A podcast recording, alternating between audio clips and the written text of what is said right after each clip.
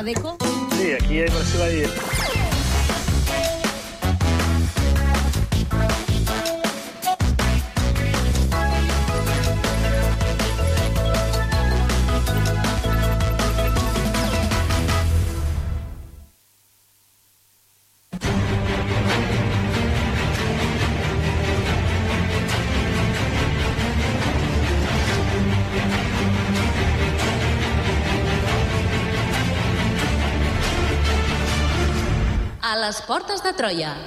amb Alberto Reche, Sergio Rodríguez i Albert Abril.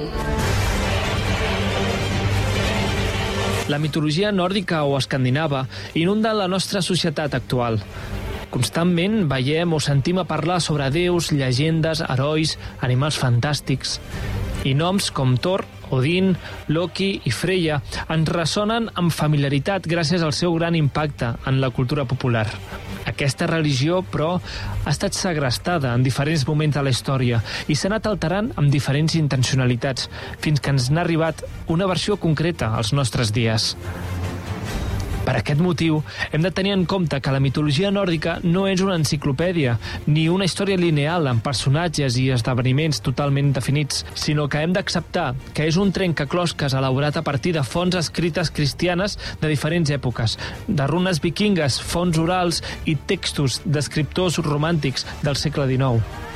Amb tot això, Avui intentarem ordenar les peces i, sobretot, parlarem de les fonts històriques que ens serveixen per construir el que anomenem, amb més o menys correcció, mitologia nòrdica. Benvinguts al món de les edes i de les sagues. Benvinguts a les portes de Troia.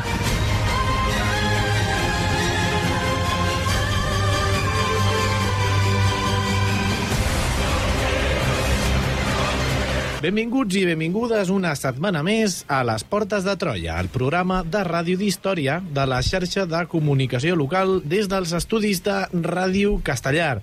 I com cada, com cada setmana, un programa, en aquest cas, dedicat a la mitologia nòrdica i ho fem amb el nostre historiador de capçalera, Albert Abril. Com anem? Albert, de què parlarem avui? Doncs, com molt bé diu el títol del programa, parlarem sobre la mitologia nòrdica. Uh, ens deixarem portar una miqueta per la captivació um, de la nostra societat occidental per, aquest mit, per aquests mites, per aquests personatges i per aquesta religió. Ens deixarem portar, parlarem de déus, parlarem de llegendes, parlarem de mites, parlarem una mica en general de la cosmologia uh, nòrdica, de la mitologia nòrdica, de la seva religió, però també el que farem serà, sobretot a l'inici, i espero arribar gairebé fins al final amb això, és donar-li una perspectiva més històrica, és a dir, reconstruirem com a nosaltres ens ha arribat tota la mitologia nòrdica a través de quines fonts, no? parlem de les Edes, de les sagues islandeses, de, dels, dels textos romàntics, inclús també parlarem, si tenim temps, de les influències eh, nazis, inclús del, del segle XX, que van deixar una petjada enorme en tot el que és la, la mitologia nòrdica, que ja sabem que al final la mitologia nòrdica és carne de romanticisme i carne d'identitats nacionals i de relats mítics i, i èpics, i òbviament doncs, la mitologia nòrdica no, no, no podia ser menys. Uh, I a més a més també és un tema molt interessant i l'abordarem des d'una perspectiva així més prudent, per dir d'alguna manera, sense entendre com una enciclopèdia, sense entendre com un uh, déu tal, atributs tals, no sé que en parlarem, òbviament, però sempre amb l'avís i sempre sent conscients de que al final la mitologia nòrdica són fragments molt dispersos de, uh, que són impossibles de juntar en un sol puzzle perquè tenen formes diferents, dimensions diferents, formats diferents, ja veurem que parlarem de les fonts arqueològiques, de les fonts escrites, etc. però que al final arribarem a la conclusió que la mitologia nòrdica en sabem molt poca cosa, Uh, ens agrada molt ordenar-la, no? intentar-la ordenar i intentar explicar històries, però mm, jo penso que el viatge d'aquest programa serà bàsicament aquest. Segueix-nos a facebook.com barra Portes de Troia o a Twitter arroba Portes de Troia. Descarrega't el podcast des d'iBooks o iTunes.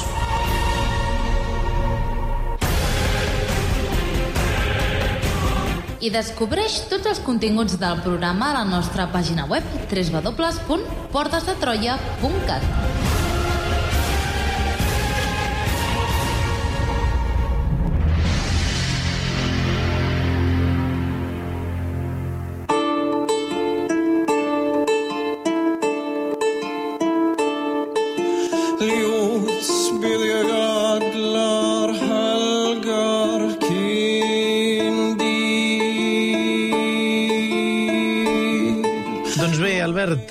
em sembla que avui, com, eh, com ens has dit, la música serà protagonista d'alguna manera, ens acompanyarà, i això que acabem d'escoltar, què, què, què, ens vols, què ens vols explicar? Doncs aquesta, uh, aquest tema es diu el Volupsa, Voluspa, uh, d'un grup noruec, uh, preparem-nos al programa avui de paraules complicades, uh, del grup noruec, noruec que es diu uh, Wardruna. Uh, Wardruna s'ha dedicat, és un grup que té milions i milions de visualitzacions a YouTube, a Spotify, dir, són famosíssims, i jo penso que han fet una tasca molt interessant de rescatar textos antics, de, de rescatar poemes antiquíssims i cantar-los, i donar-los un toc d'actualitat, donar-los un toc de... Uh, inclús d'epicitat, no? És molt bonic, no?, el, el Voluspa. Um, I a més a més, el Voluspa és, és un poema que està, queda recollit a, a l'Eda Poètica, que és una de les principals fonts escrites que tenim de la mitologia nòrdica. Ja veurem que no és 100% fiable, òbviament, perquè és molt posterior, és dels segles um, 12-13, uh, llavors mm, molt influït pel cristianisme, etc. Però, si més no, és una recopilació de po- de poemes que ens donen molta informació sobre la mitologia nòrdica. De fet, en concret, el, el Voluspa és literalment la profecia de l'endevina, no? És un poema que tracta com un endevina s'adreça a Odin i li, i li comença a explicar, eh, resumidament, fets passats, presents i també futurs. Per exemple, li parla sobre la creació del món, sobre els secrets dels déus Aesir, els que viuen a Asgard, de la mort de Baldur i, sobretot, sobretot, li parla del Ragnarok. Molt bé, doncs uh, comencem, dit, dit això i fet, fet aquesta explicació que ja ens ha dit l'Albert, doncs, que, que ens acompanyarà al llarg del programa aquest repertori musical. Ara anem a fer, doncs, com dèiem, un programa serà sobre mitologia, sobre llegendes, i abans de tot això, què cal saber? Què és, eh, quina consideració, quines consideracions hauríem de tenir sobre la taula abans de començar el programa? Un avís per navegants. Quan tractem de mitologia, eh, repeteixo, ja ho he dit una miqueta a la introducció, ens encanta la mitologia, ens encanten les llegendes, ens encanten els déus i les seves, eh, els seus ardits, les seves artimanys, els seus trucs, les seves històries, les seves tradicions. Eh, ens encanta tot. El que hem de tenir en compte, però, és que la mitologia no és una enciclopèdia. I hi ha molts, eh, hi ha molts autors, o hi ha moltes persones, inclús, que es pensen que sí que ho és, i és... Eh, vinga, so, els déus de, els déus de l'Olimp. Anem a endreçar-ho, no? Uh, aquest, aquest, aquest, aquest. Aquest és fill d'aquest, aquest no sé què, aquest no sé quantos i aquest no sé quantos. que- Aquest que és el déu... lògica, no? Exacte. Uh, bueno, ja, els historiadors ho tenim tot, no? Això de posar-ho tot en caixetes i, i, i tot plegat. Però bé, al final tenim una obsessió en la mitologia i en el saber enciclopèdic de, de la mitologia. I, de fet, la mitologia és tot el contrari. La mitologia és viva, la mitologia canvia, i la mitologia, sobretot la nòrdica, en aquest cas, és regional. O sigui, la mitologia nòrdica que es practicava a Islàndia és molt diferent bueno, a veure, segur que hi ha, òbviament hi havia molts elements comuns, però era molt diferent que la mitologia que es practicava al sud de la península de Jut- de Jutlàndia, per exemple. Hem de pensar uh, que és una tradició, és, és folklore. Uh, llavors, uh, és una mitologia, sobretot la nòrdica o l'escandinava, que l'hem documentat molt posteriorment. Uh, com hem anat dient, no? que el romanticisme l'ha segrestat i ens encanta el romanticisme, i el romanticisme és molt maco, però l'ha transformat totalment, és a dir, la, la visió que tenim actualment de la mitologia nòrdica és totalment una visió del segle XIX, una visió molt romàntica. Um, i com hem dit també les tendències d'extrema dreta tendeixen a segrestar aquesta, aquesta mitologia llavors el que ens arribant, el que ens ha anat arribant és totalment esbiaixat uh -huh. uh, hem de pensar que com la majoria de religions monoteistes uh, no hi ha un llibre sagrat, no hi ha una Bíblia, no hi ha un Corà, no hi ha una Torà. Uh, no, podem, no podem anar a un llibre i consultar quina és la cosmologia de, dels antics nòrdics. No, no podem perquè no existeix i perquè no hi havia una ordenació religiosa, no hi havia una jerarquia eclesiàstica, si volem, sinó que a través de fonts molt diverses i molt incompletes, sobretot fem-nos la idea que són fonts incompletes, ens hem creat una pseudoidea del que podria ser la mitologia nòrdica i juguem a fer veure que l'entenem i juguem a fer veure que la, que la coneixem. Això és molt important, això que dius. Juguem a fer veure que la coneixem i la sabem. Exacte, sí. I ja està. I en aquest ball tothom pues, aporta alguna cosa i tots feliços. Eh, bueno, tot, tothom coneix Marvel, no? To, Sí, tothom, exacte. tothom coneix Destripando la història, vull dir, ens, ens, ens encanta. Uh, I està molt bé, i és molt divertit, i podem consumir-ho, i podem gaudir-ho, però, Però és sempre... mentida. Exacte, però hem de, hem de ser conscients Està bé, està bé. del que és, no? Doncs avui una mica també explicarem tota aquesta perspectiva. Aleshores, uh, Albert, què és, la, què és la mitologia nòrdica en base a tot el que ens has uh, dit abans? Després d'haver avisat de que no hauríem de classificar la mitologia nòrdica, anem-la a Anem- anem a classificar. Anem-la a posar en una caixa. Uh, a veure, si haguéssim de donar una definició, podríem dir que la mitologia nòrdica o escandinava és un terme general per parlar dels mites, de la religió, les creences i les llegendes dels pobles de tradició escandinava, incloent-hi també aquells que se senten més enllà de la península, i més enllà Islàndia, Groenlàndia, uh, etc etc. no? Uh, clar, és una, és una mitologia molt relacionada amb la mitologia germànica, ja veurem que hi ha unes, una sèrie de, de, bueno, de, mites, de mites comuns i de fet uh, l'origen de la mitologia escandinava es podria centrar en, els pobles germànics de, de l'antiguitat.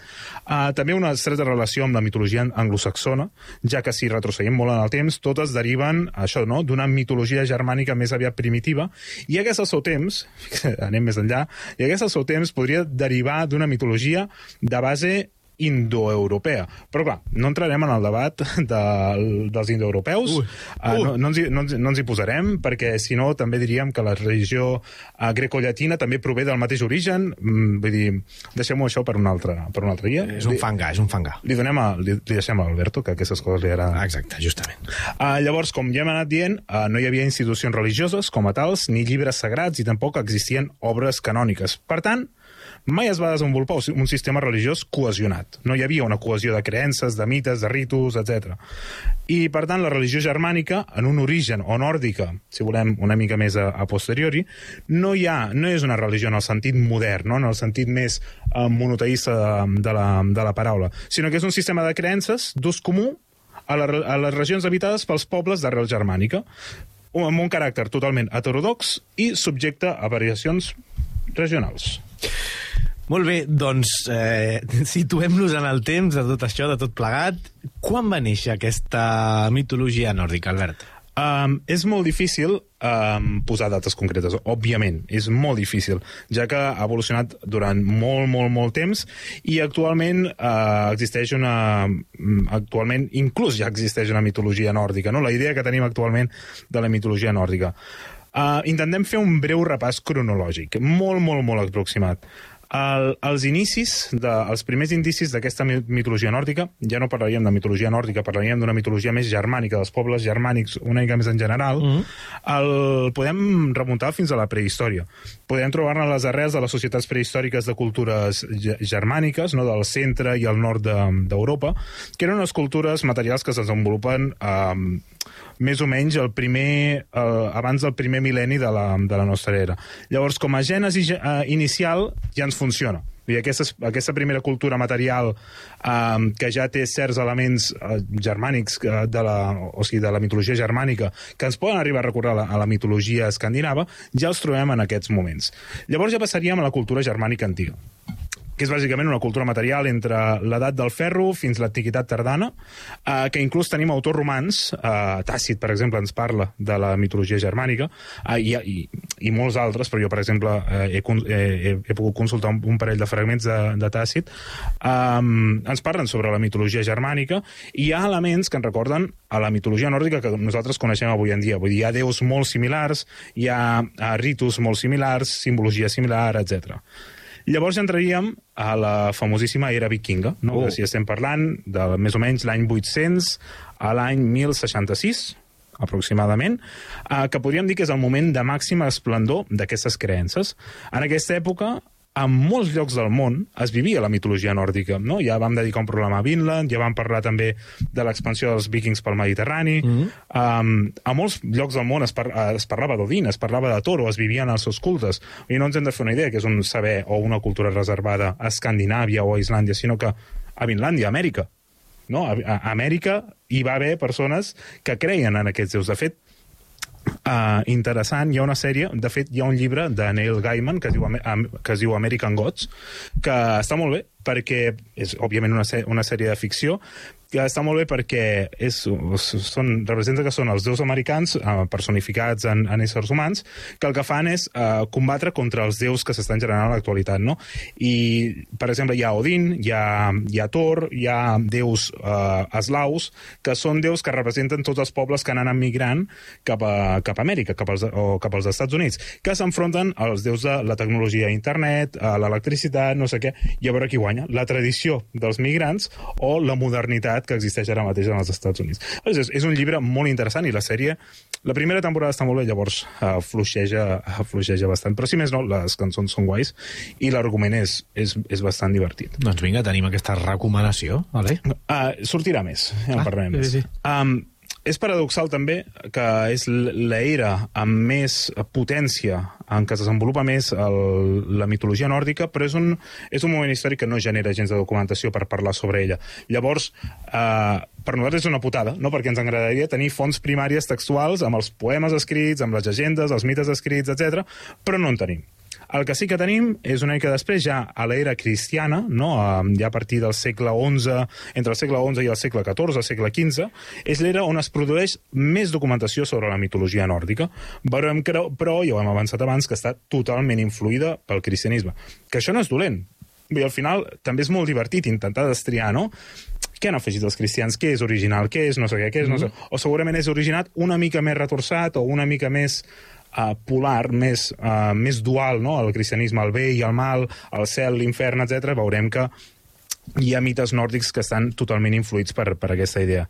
A l'edat moderna hi ha un abandonament de la mitologia nòrdica, es conserven els textos, es llegeixen els textos, però no s'estudia la, la mitologia nòrdica com a tal, fins, òbviament, eh, que arribem al segle XIX... El amb gran recuperador. el ra- gran recuperador de les mitologies, que és el, el romanticisme. No? És, és perfecte per buscar i crear identitats nacionals. I, a més a més, com ja hem avançat abans i ja no repetiré, um, tota la recuperació de la mitologia nòrdica per part dels nazis durant l'època de- d'Adolf Hitler.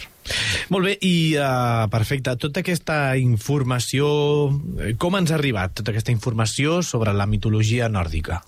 Um, és bastant complex. Intentarem dibuixar un mapa mm, de la manera, de la manera més senzilla que, que pugui.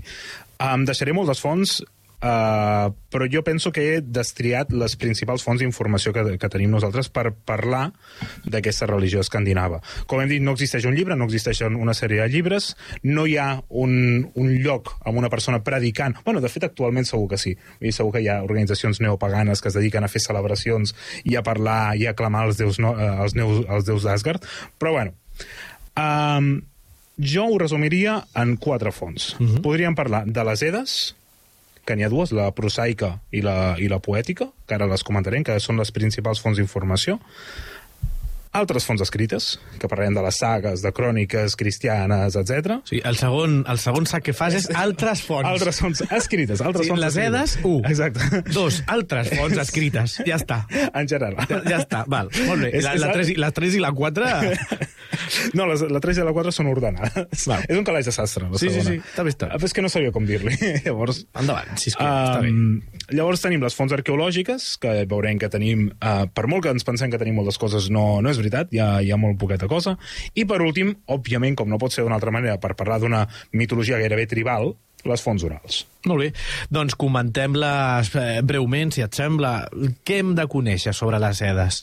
A veure, són les fonts primàries, entre cometes primàries, ara veurem per què les cometes, més importants de la mitologia nòrdica. Um, les Edes, bàsicament, són obres literàries que contenen una recopilació de poemes, llegendes, glossaris, etc etc etc relacionats amb, el, amb la mitologia nòrdica. Com hem dit, hi ha dues Edes, eh, que fonamentalment és el que fem servir els historiadors o el que fan servir els entesos sobre el tema per documentar-se sobre la mitologia nòrdica. Per una banda tenim la Eda poètica, que es publica més o menys, fixeu-vos, al 1260, no, el 1260 ja ha passat, fa 200 anys que ha passat l'era vikinga.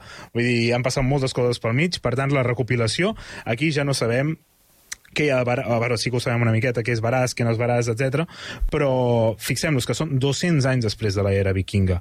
Mm. Um, és una col·lecció de poemes que daten se suposa que segons l'estil, segons uh, les referències i tot, els, els, uh, els filòlegs, els historiadors, els han datat d'una mica abans que l'Eda en prosa. Per tant, Uh, podrien ser poemes provinents de l'època vikinga sense cap mena de problema.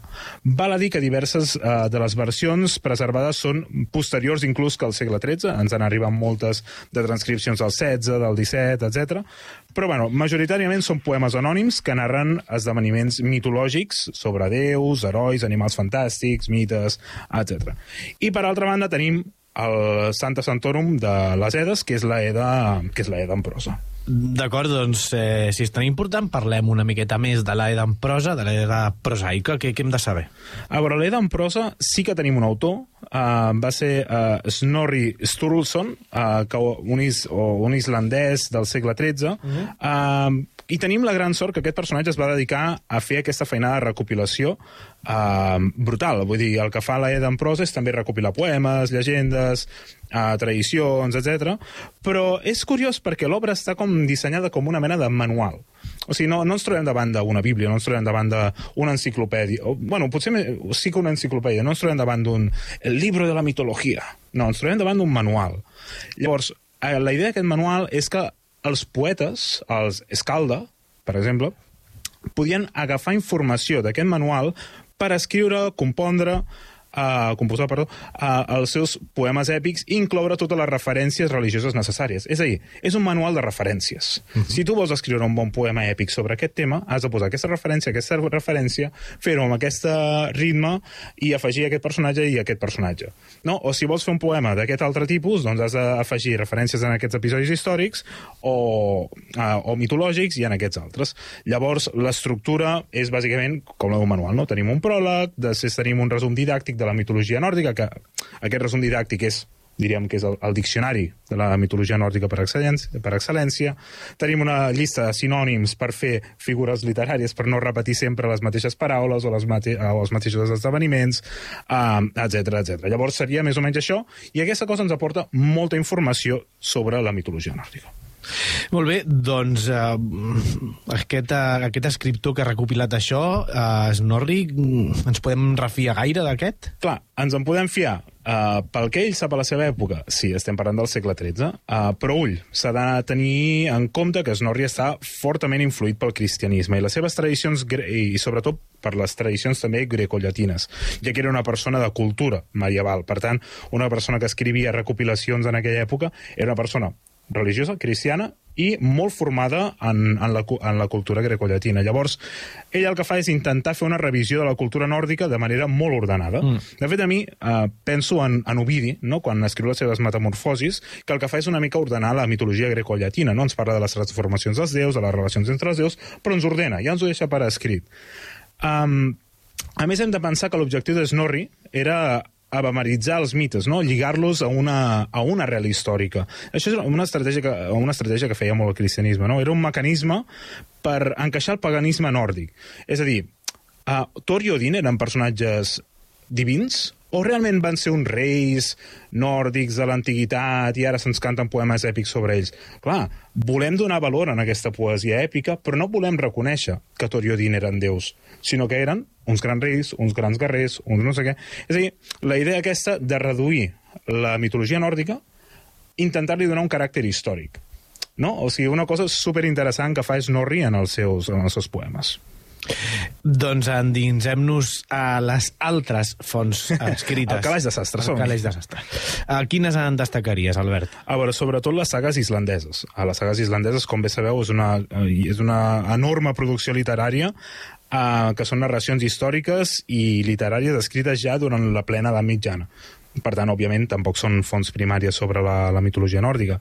Um, L'únic que barregen mm, llegenda, amb fets històrics, personatges amb déus, herois, llegendes, etc. Aquestes narracions inclouen moltes, moltes, moltes referències. Per exemple, un escriptor d'una saga islandesa es podria haver llegit perfectament l'Eda prosaica de Snorri. Per què? Doncs per tenir un bon ventall de referències mitològiques per incloure en les seves històries de personatges, eh, de personatges reals. De fet, en el programa de Vinland, per exemple, vam estar parlant molt de la, de la saga d'Eric el, el Roig, uh, una abraçada per l'Alberto, i aprofito per mencionar també el Heimskringla, que el Heimskringla potser és, és la saga que, ens, uh, que, que també va ser escrita per Snorri, uh, però que ens aporta també moltíssima informació mitològica. Doncs era d'esperar que les sagues islandeses ens aportessin informació de la mitologia nòrdica, però podem anar més enllà, Albert?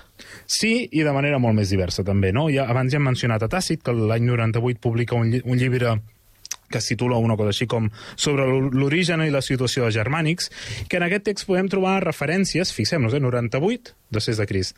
Podem trobar certes referències a la cultura germànica del segle I que s'assemblen moltíssim a la mitologia escandinava que nosaltres coneixem.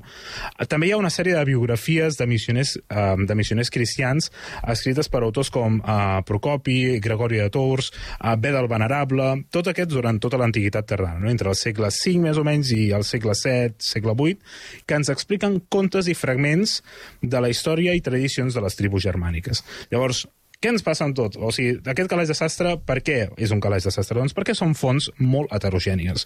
I són textos molt difícils d'interpretar com a conjunt. O sigui, un, text, un poema com a tal té sentit, però quan, el, quan un poema que ens, eh, que ens menciona Snorri el barreges amb un poema que ens, ens, ens menciona Beda el Venerable, no té cap mena de sentit. Ens està parlant de Loki i Loki i estan fent coses totalment oposades, no? Um, hem d'entendre no? hem de, que, que de tot això podem anar extraient petites arrels comunes de la que ja era una religió vikinga bastant, bastant consolidada, bastant consolidada, perdó. Um, també tenim monjos cristians que escriuen, oh, que escriuen contes, biògrafs parlant de, uh, de vides de missioners, etc. Però bueno, és un batibull uh, d'idees molt diverses. Fixem-nos, però, en les edes i en les sagues, que és molt més senzill, molt més fàcil, però no ens oblidem de tota la resta que, que tenim a darrere. I, per tant, amb tot això, podríem fer una mena de puzzle per arribar al coneixement que tenim actualment de la mitologia nòrdica. A les portes de Troia. La història a la ràdio. Descobreix tots els continguts del programa a www.portesdetroia.cat.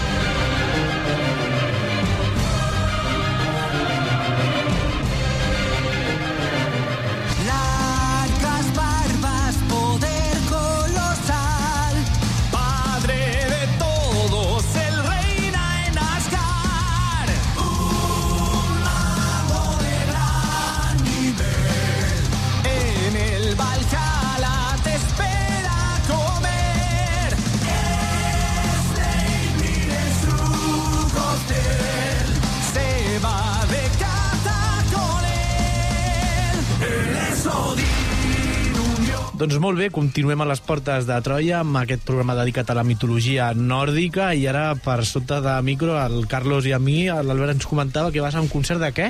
De Destripando la història, uh, efectivament, sí, sí. Uh, tenim un concert a Barcelona d'aquí relativament... d'aquí relativament poc. Abans o després que soni això?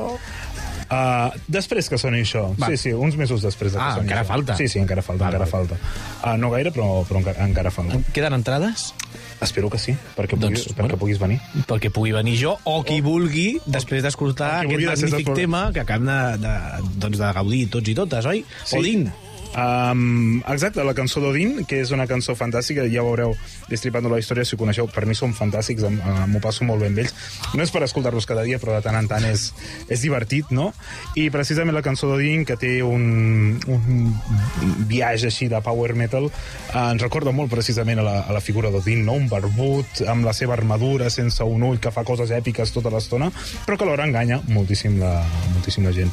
Llavors, per exemple, Destripando la història tenen altres cançons, com per exemple de Thor, que va ser de les primeres que van treure, o de, o de Loki, que també és fantàstica, que tenen un rotllo, un, un, tipus de, uh, un tipus de melodia totalment diferents, un estil totalment diferent, segons el personatge, i això també és molt xulo.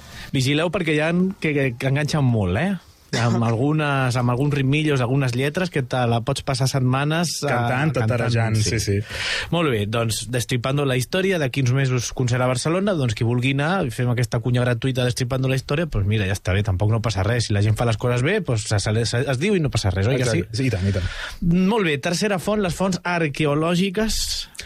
Molaria molt que, estripant la història del concert, ens recomanessin a nosaltres, saps? Allà, amb no sé quantes persones de públic, escolteu el podcast Les Portes de Troia. Ho deixem dit així com qui no vol la cosa, no? Últimament estem tirant masses canyes. Sí? Sí, Ah. l'altre dia el Pony Pissador, ara la distribuïm la història. De, hosti, doncs bueno, eh, ho deixem dit. Aquí Ho ja deixem està. dit, ho deixem dit, està bé, està bé. Fons arqueològiques que ens aporten informació sobre aquesta mitologia nòrdica. Abans has dit que no gaires, però alguna cosa, i, i què? Quina qualitat? Alguna... molt poca cosa. De fet, les, um, l'arqueologia dels vikings o del, dels pobles escandinaus uh, tenim coses, però no en tenim gaires. De fet, fa, fa, ara anava a dir relativament poc, però potser fa 6 o 7 anys, a les Drassanes de Barcelona va venir una exposició del món viking i va ser un clar exemple de, de la quantitat de coses que hi ha, no?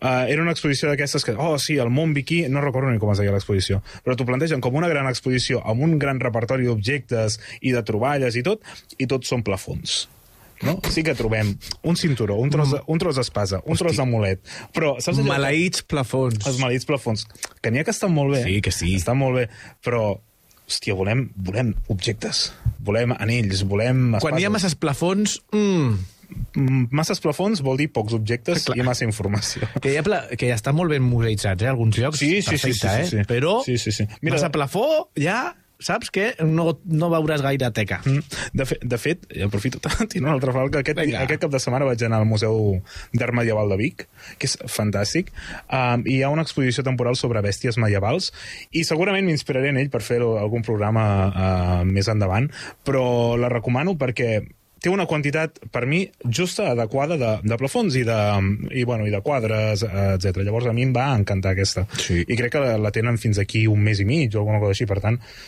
per anar a passar un dia a Vic Doncs i vinga. anar al museu. Abans de, el mateix dia que aneu, no sé si estarà, pel quan aneu mitja Catalunya a la, a la fira, a la Fira Medieval de Vic. Ah, hòstia, clar.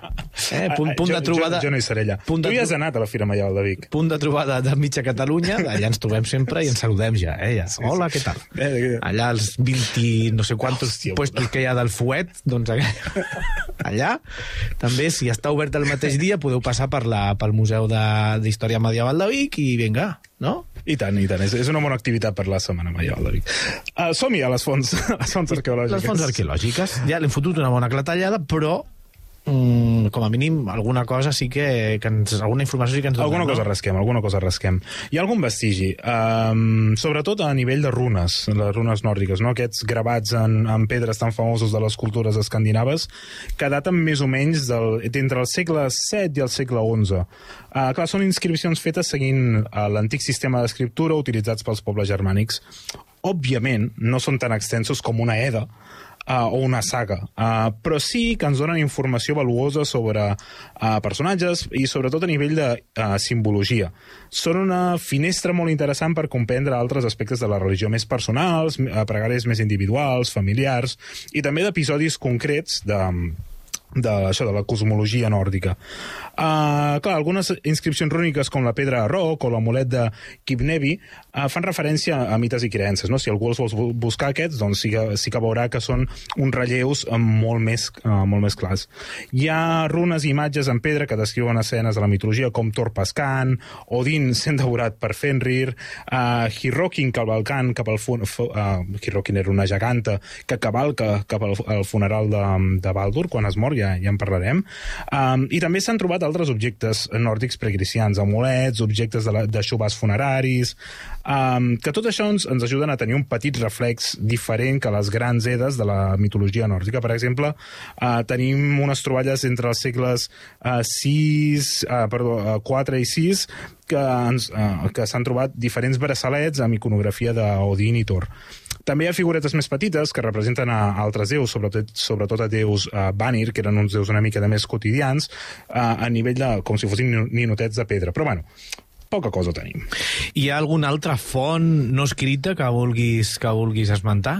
Uh, bé, a mi aquesta és, és molt divertida, perquè no sé si... Uh, ens ho havíem plantejat mai, no? Però és l'origen de les paraules, no? Uh, per exemple, els noms dels déus i dels herois provenen tots gairebé provenen tots de, de fons medievals. Um, els dies de la setmana nòrdics van ser anomenats a partir dels seus principals déus, uh, com havien fet a Roma en el seu moment. Per exemple, el dimecres, per als romans era el dies Mercuri, no? el dia de Mercuri. Uh, en la interpretació germana germànica d'això, Mercurius, el déu Mercuri, s'assimila al déu Wodanàs. No? El déu Wodanàs, l'antic germànic Wodanàs, evoluciona fins al nom d'Odin. Sí, no em pregunteu com, però evoluciona fins a, no, evoluciona fins a Odin. Va. Eh, no ho dic jo, ho diuen els filòlegs. Um, I si ho diu un filòleg? si ho diu un filòleg, creu tu. Depèn, depèn del filòleg. Uh, però jo sóc historiador. Uh, D'aquí a cada dimecres en la cultura nòrdica sigui el dia de Wodanàs. Igual que en la cultura romana era el dia de Mercuri, doncs en la cultura nòrdica és dia de Wodanàs. Per tant, Wednesday. Com? Wednesday? No? Wodanàs? Wodanàs, Wednesday. Val. No, no, té sentit. I a més a més, aprofito, aprofito que això vol dir Wodanàs Wednesday és el dia d'Odin. Sí? Això, que no es podria dir Odin's Day. Estem portant, dir- estem portant de la maneta els oients fins aquí. Aviam, A- torna, agafeu- torna i pels que tenen PI. Va, Um, què vols que repeteixi? tot. Tot, hòstia. Um, Wod- Evoluciona, la paraula Wodanàs ev- evoluciona fins la paraula Odin. El dia de Wodanàs és el dia d'Odin, i per tant, Wodanàs Day, Wednesday. Uh -huh. Val, sí, molt bé, molt bé. menys. I de fet aquí aprofito per tirar una altra falca uh, cap a American Gods, perquè un dels personatges principals, spoiler, si, ningú, si algú vol aturar l'espoiler, ara és el moment de posar pausa, uh, es presenta com a Wednesday i, sorpresa, és Odin. Oh, No? bona, Que bona, bona. Està ben trobat. I els altres dies de la setmana? Uh, podem trobar alguna altra referència, no? Per exemple, uh, dijous, en la cultura romana, és el dia de Júpiter, uh, i, uh, però en la cultura germànica és el dia de Thor, Thursday. Mm -hmm. Aquest sí que s'assembla una miqueta més, no? Thursday és millor que Wednesday. Està bé. Uh, inclús el divendres, que és el dia de Venus, és el dia de Freya, que és Friday. Uh, Fixem-nos com, al final, els déus grecollatins tenen s'assimilen als déus nòrdics, no? Uh, Júpiter, el déu més poderós, el déu del llampec, és Thor, que és el déu més poderós, que és el déu del llampec. Freya és Venus, perquè és la deessa de la bellesa, de la fertilitat, etc. I així les cultures grecollatina i germànica queden totalment relacionades. I si volguéssim posar-nos en un fangar, si volguéssim... Si volguéssim, què volem? Ah, uh, no volem, però jo ho dic en veu baixa. Cultures indoeuropees. Origen comú. Però no, però no ho direm. Val. Saps que això que acabes d'explicar dels dies i les assimilacions de noms i tot això és carn, això és carn del vermut del dissabte al matí del que ha escoltat el Portes de Troia i li fot la xapa a la resta. O sigui, això, sí, Això és carn, veritat. eh? O, Al tanto, o, el, eh? o el sobretaula. O la Sí, el sobretaula, típic sobretaula amb la ratafia i els carquinyolis. això entra, entra bastant. En, entre Carquinyol i Carquinyoli, eh, sabíeu que el Wednesday i el... I el Eh, dimecres. perquè això, a vegades donem dades d'aquestes que la gent eh, fot la xapa, i donem, no fot la xapa, però donem eines per nodrir les nostres sobretaules i els nostres vermuts de coneixement. Exacte. Sí o no? Però ens deslliurem de les culpes nosaltres. I les, No, no, no. Nosaltres ho deixem Ja està. a, en Després el món del podcast. Us ho podeu apropiar. Aquí això és Exacte. codi lliure. Cap. Exacte, exacte. Finalment, eh, Albert, tot apunta a que la tradició oral, com bé deies abans, és la font més important. Sí, però és el que ens passa sempre amb la tradició oral, que la tradició oral, quan s'escriu, perd el fet de ser una tradició oral i, per tant, perd la seva màgia, perd, uh, bueno, pe- perd aquest, aquesta idea de les, crències, de les creences nòrdiques de ser... De ser és que estic veient en Sergio que s'està posant els mitjons al mig de la ràdio. He trencat la màgia de la ràdio. Has trencat la màgia, tio. T'estava dient, Perdó. no ho diguis. És igual, ho he hagut de fer. Ja està.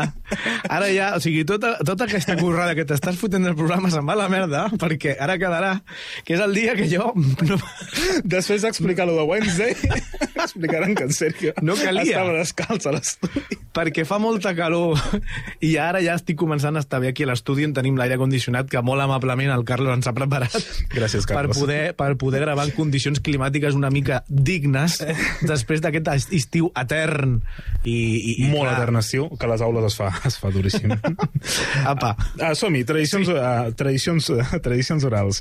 Uh, com estàvem dient, quan les tradicions orals es posen per escrit, perden la, el fet de ser tradicions orals, perden la seva, entre cometes, la seva màgia de tradicions orals. Llavors, això és el que passa precisament a les Edes, no? que es posen molts poemes que segurament s'havien transmès oralment de generació en generació i es posen per escrit.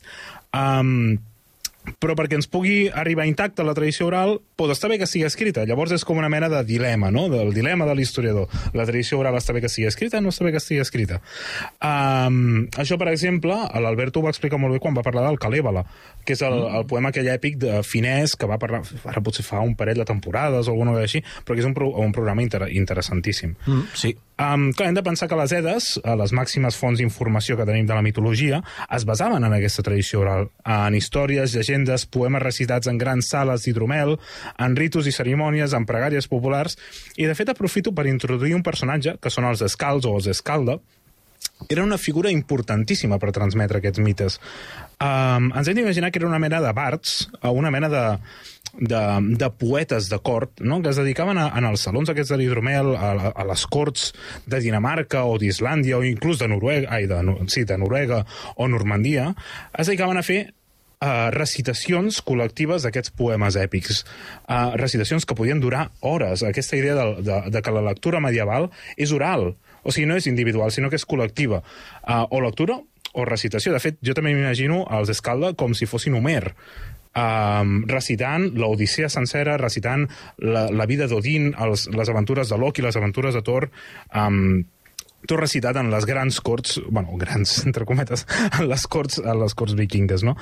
Um, clar, el problema de la tradició oral és, és que és molt difícil de rastrejar i, a més, sempre està subjecte a canvis i reintre, in, reinterpretacions. Tanmateix, gràcies a ella, sabem que la religió nòrdica era una part integrant i innegable de la vida dels pobles germànics gràcies al que ens ha arribat precisament per escrit. Molt bé, i ara com a, com a colofó de tot plegat, quina seria doncs, la conclusió que, que hauríem d'arribar sobre la fiabilitat d'aquestes fonts de, a l'hora de parlar sobre la mitologia nòrdica? Ja ho hem anat dient. Bàsicament, uh, és molt difícil saber com era la mitologia nòrdica original. Però la pregunta és, hem de saber com era la mitologia nòrdica original? No? Uh, an anem més enllà, portem nou demat per un sobretaula.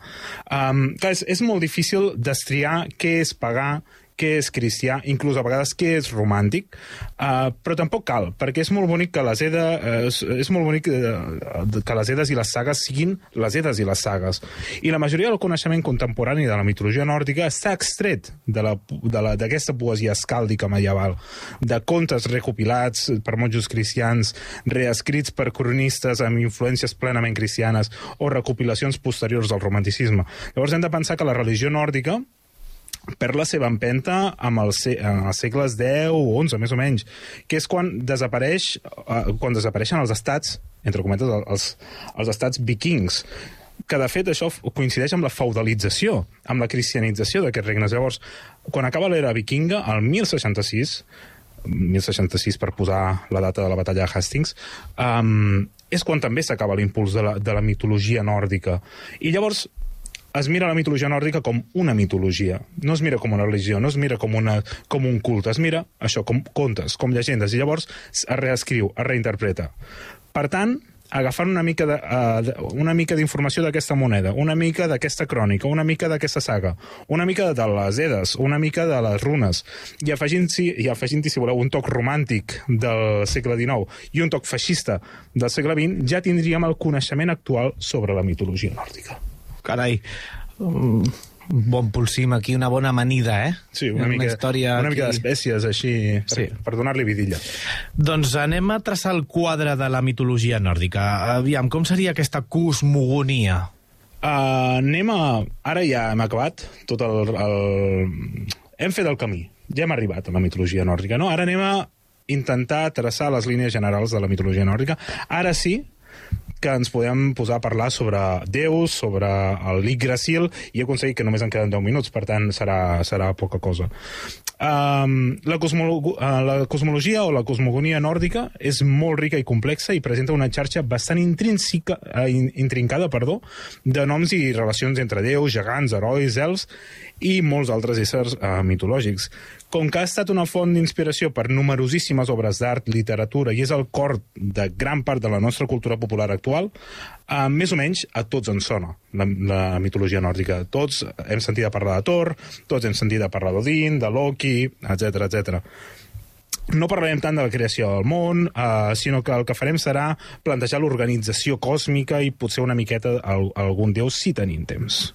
Doncs som-hi. Eh, Quines són aquestes bases eh, que, que hem de sentar? A veure, per simplificar-nos la vida, hem de pensar que la mitologia nòrdica té un alt component dualista. Sempre hi ha l'ordre i el caos.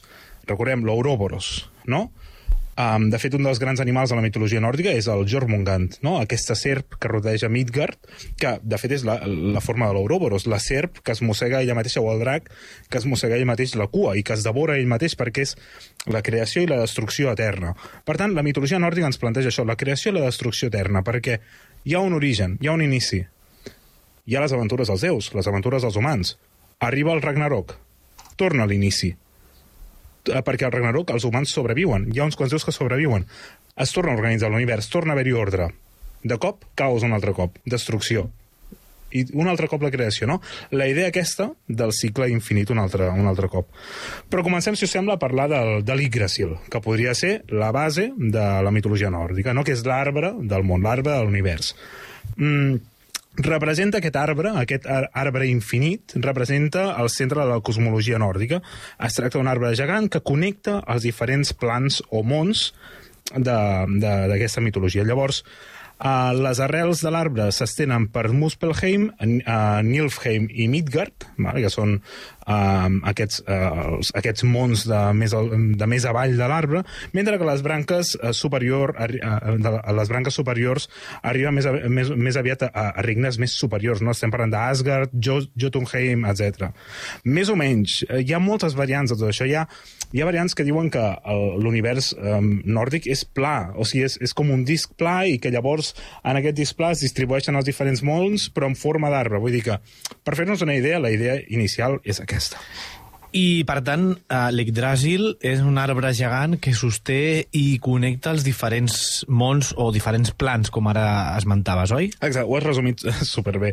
De fet, els nòrdics diuen que n'hi ha un total de nou.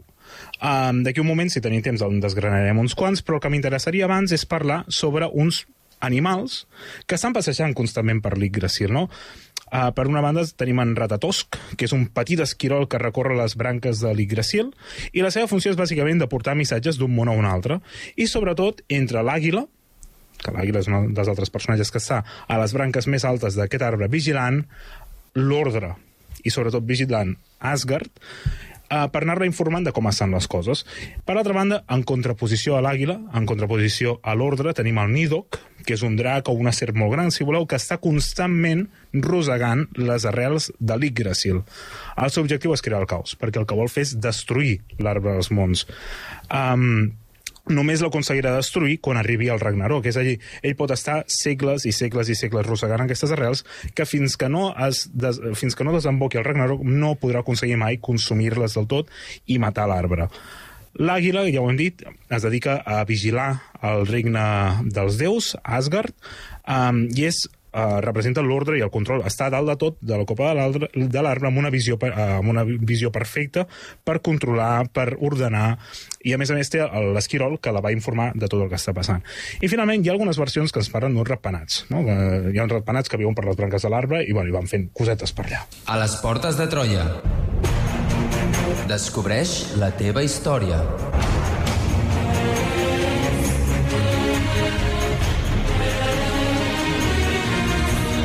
Troba'ns a facebook.com barra Portes de Troia i a Twitter arroba Portes de Troia.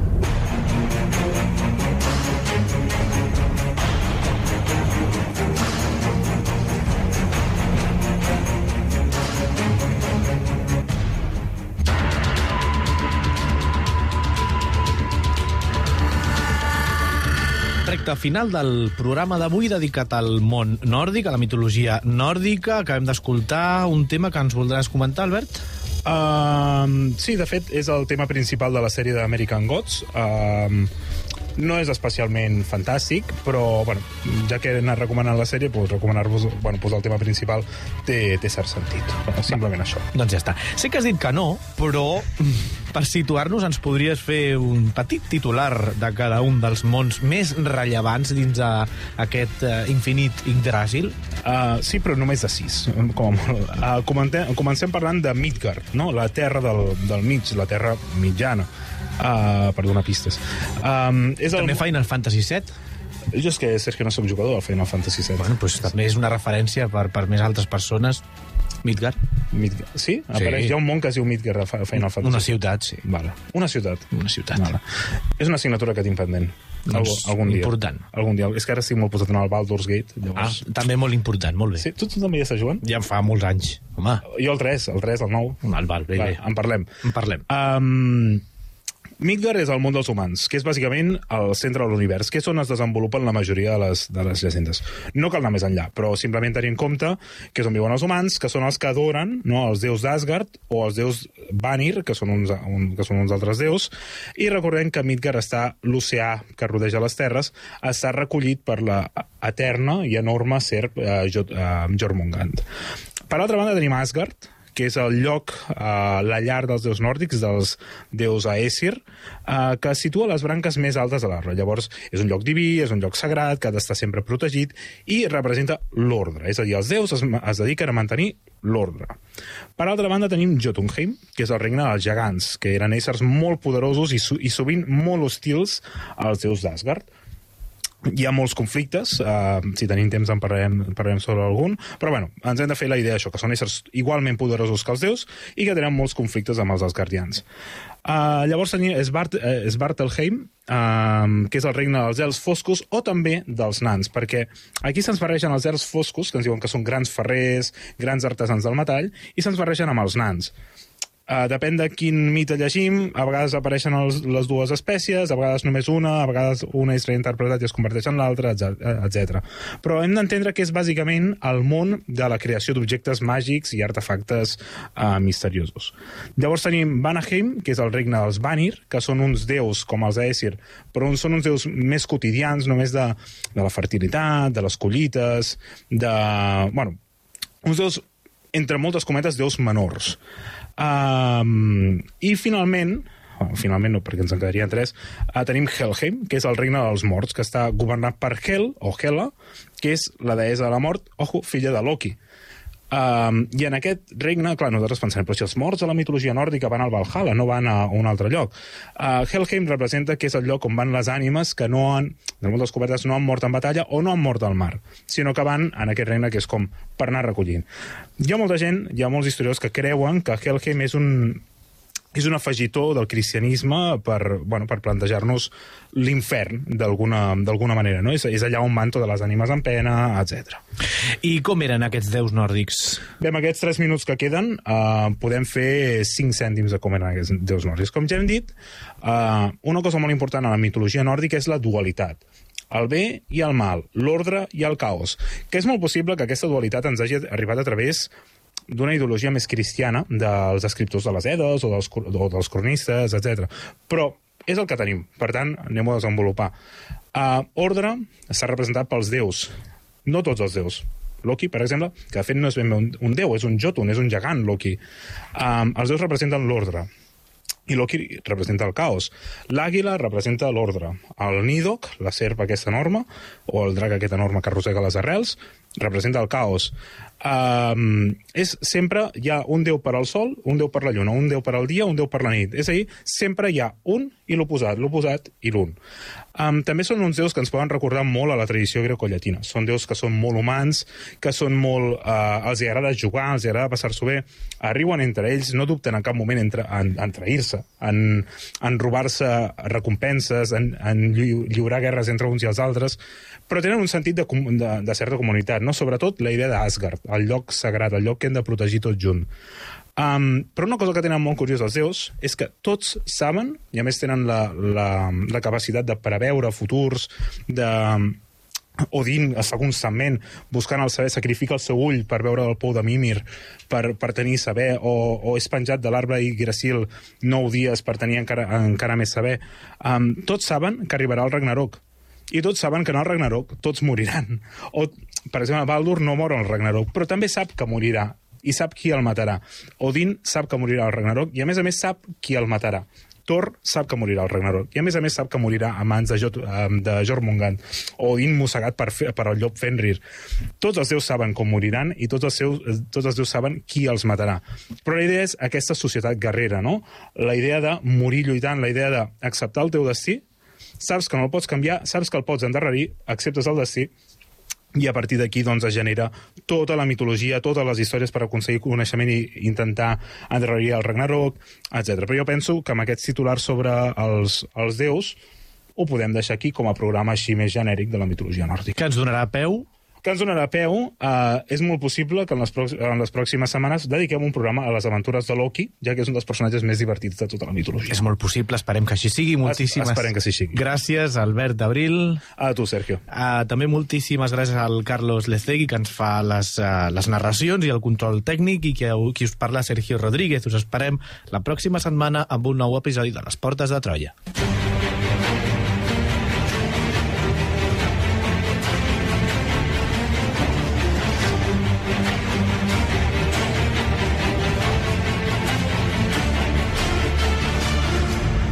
Les portes de Troia, amb Alberto Reche, Sergio Rodríguez i Albert Abril.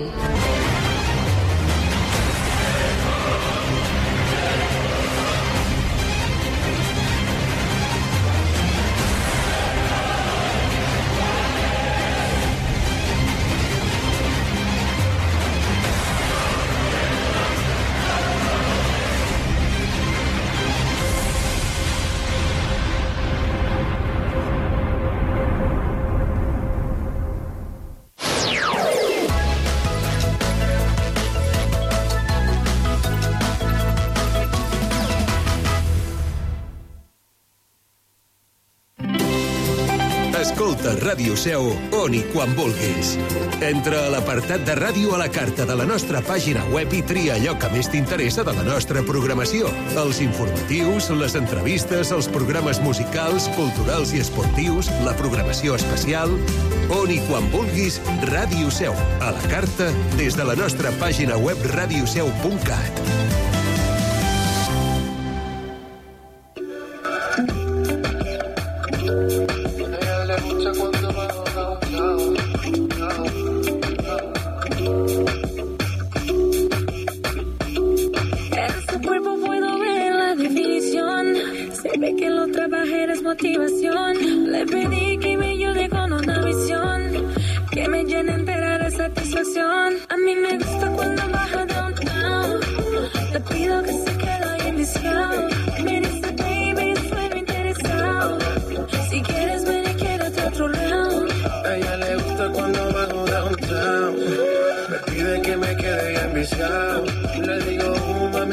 interesado. Si quiere, yo me quedo pa' tu round. que me quede otro round, tanto que me ha rogado, ya lo tengo oficial. Yo te he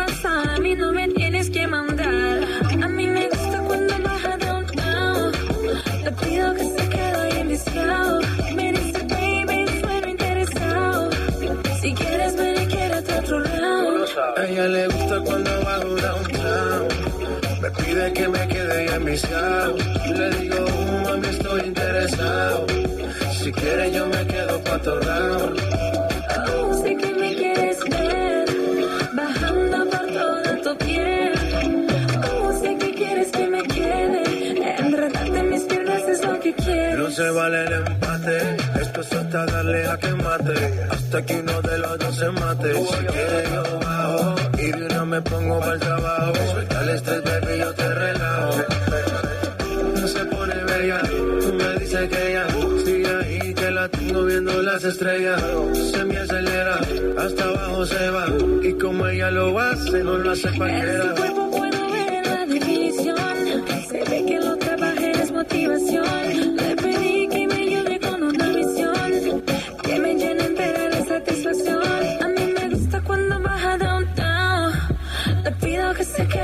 pescado.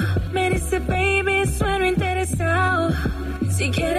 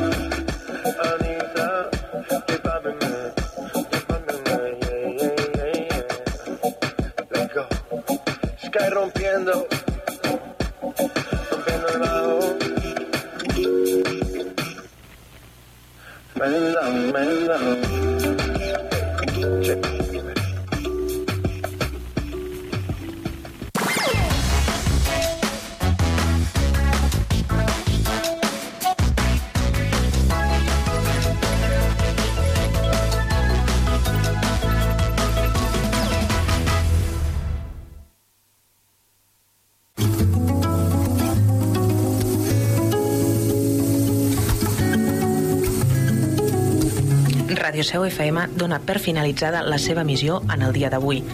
Agraïm la teva escolta. A continuació et deixem amb Catalunya Ràdio.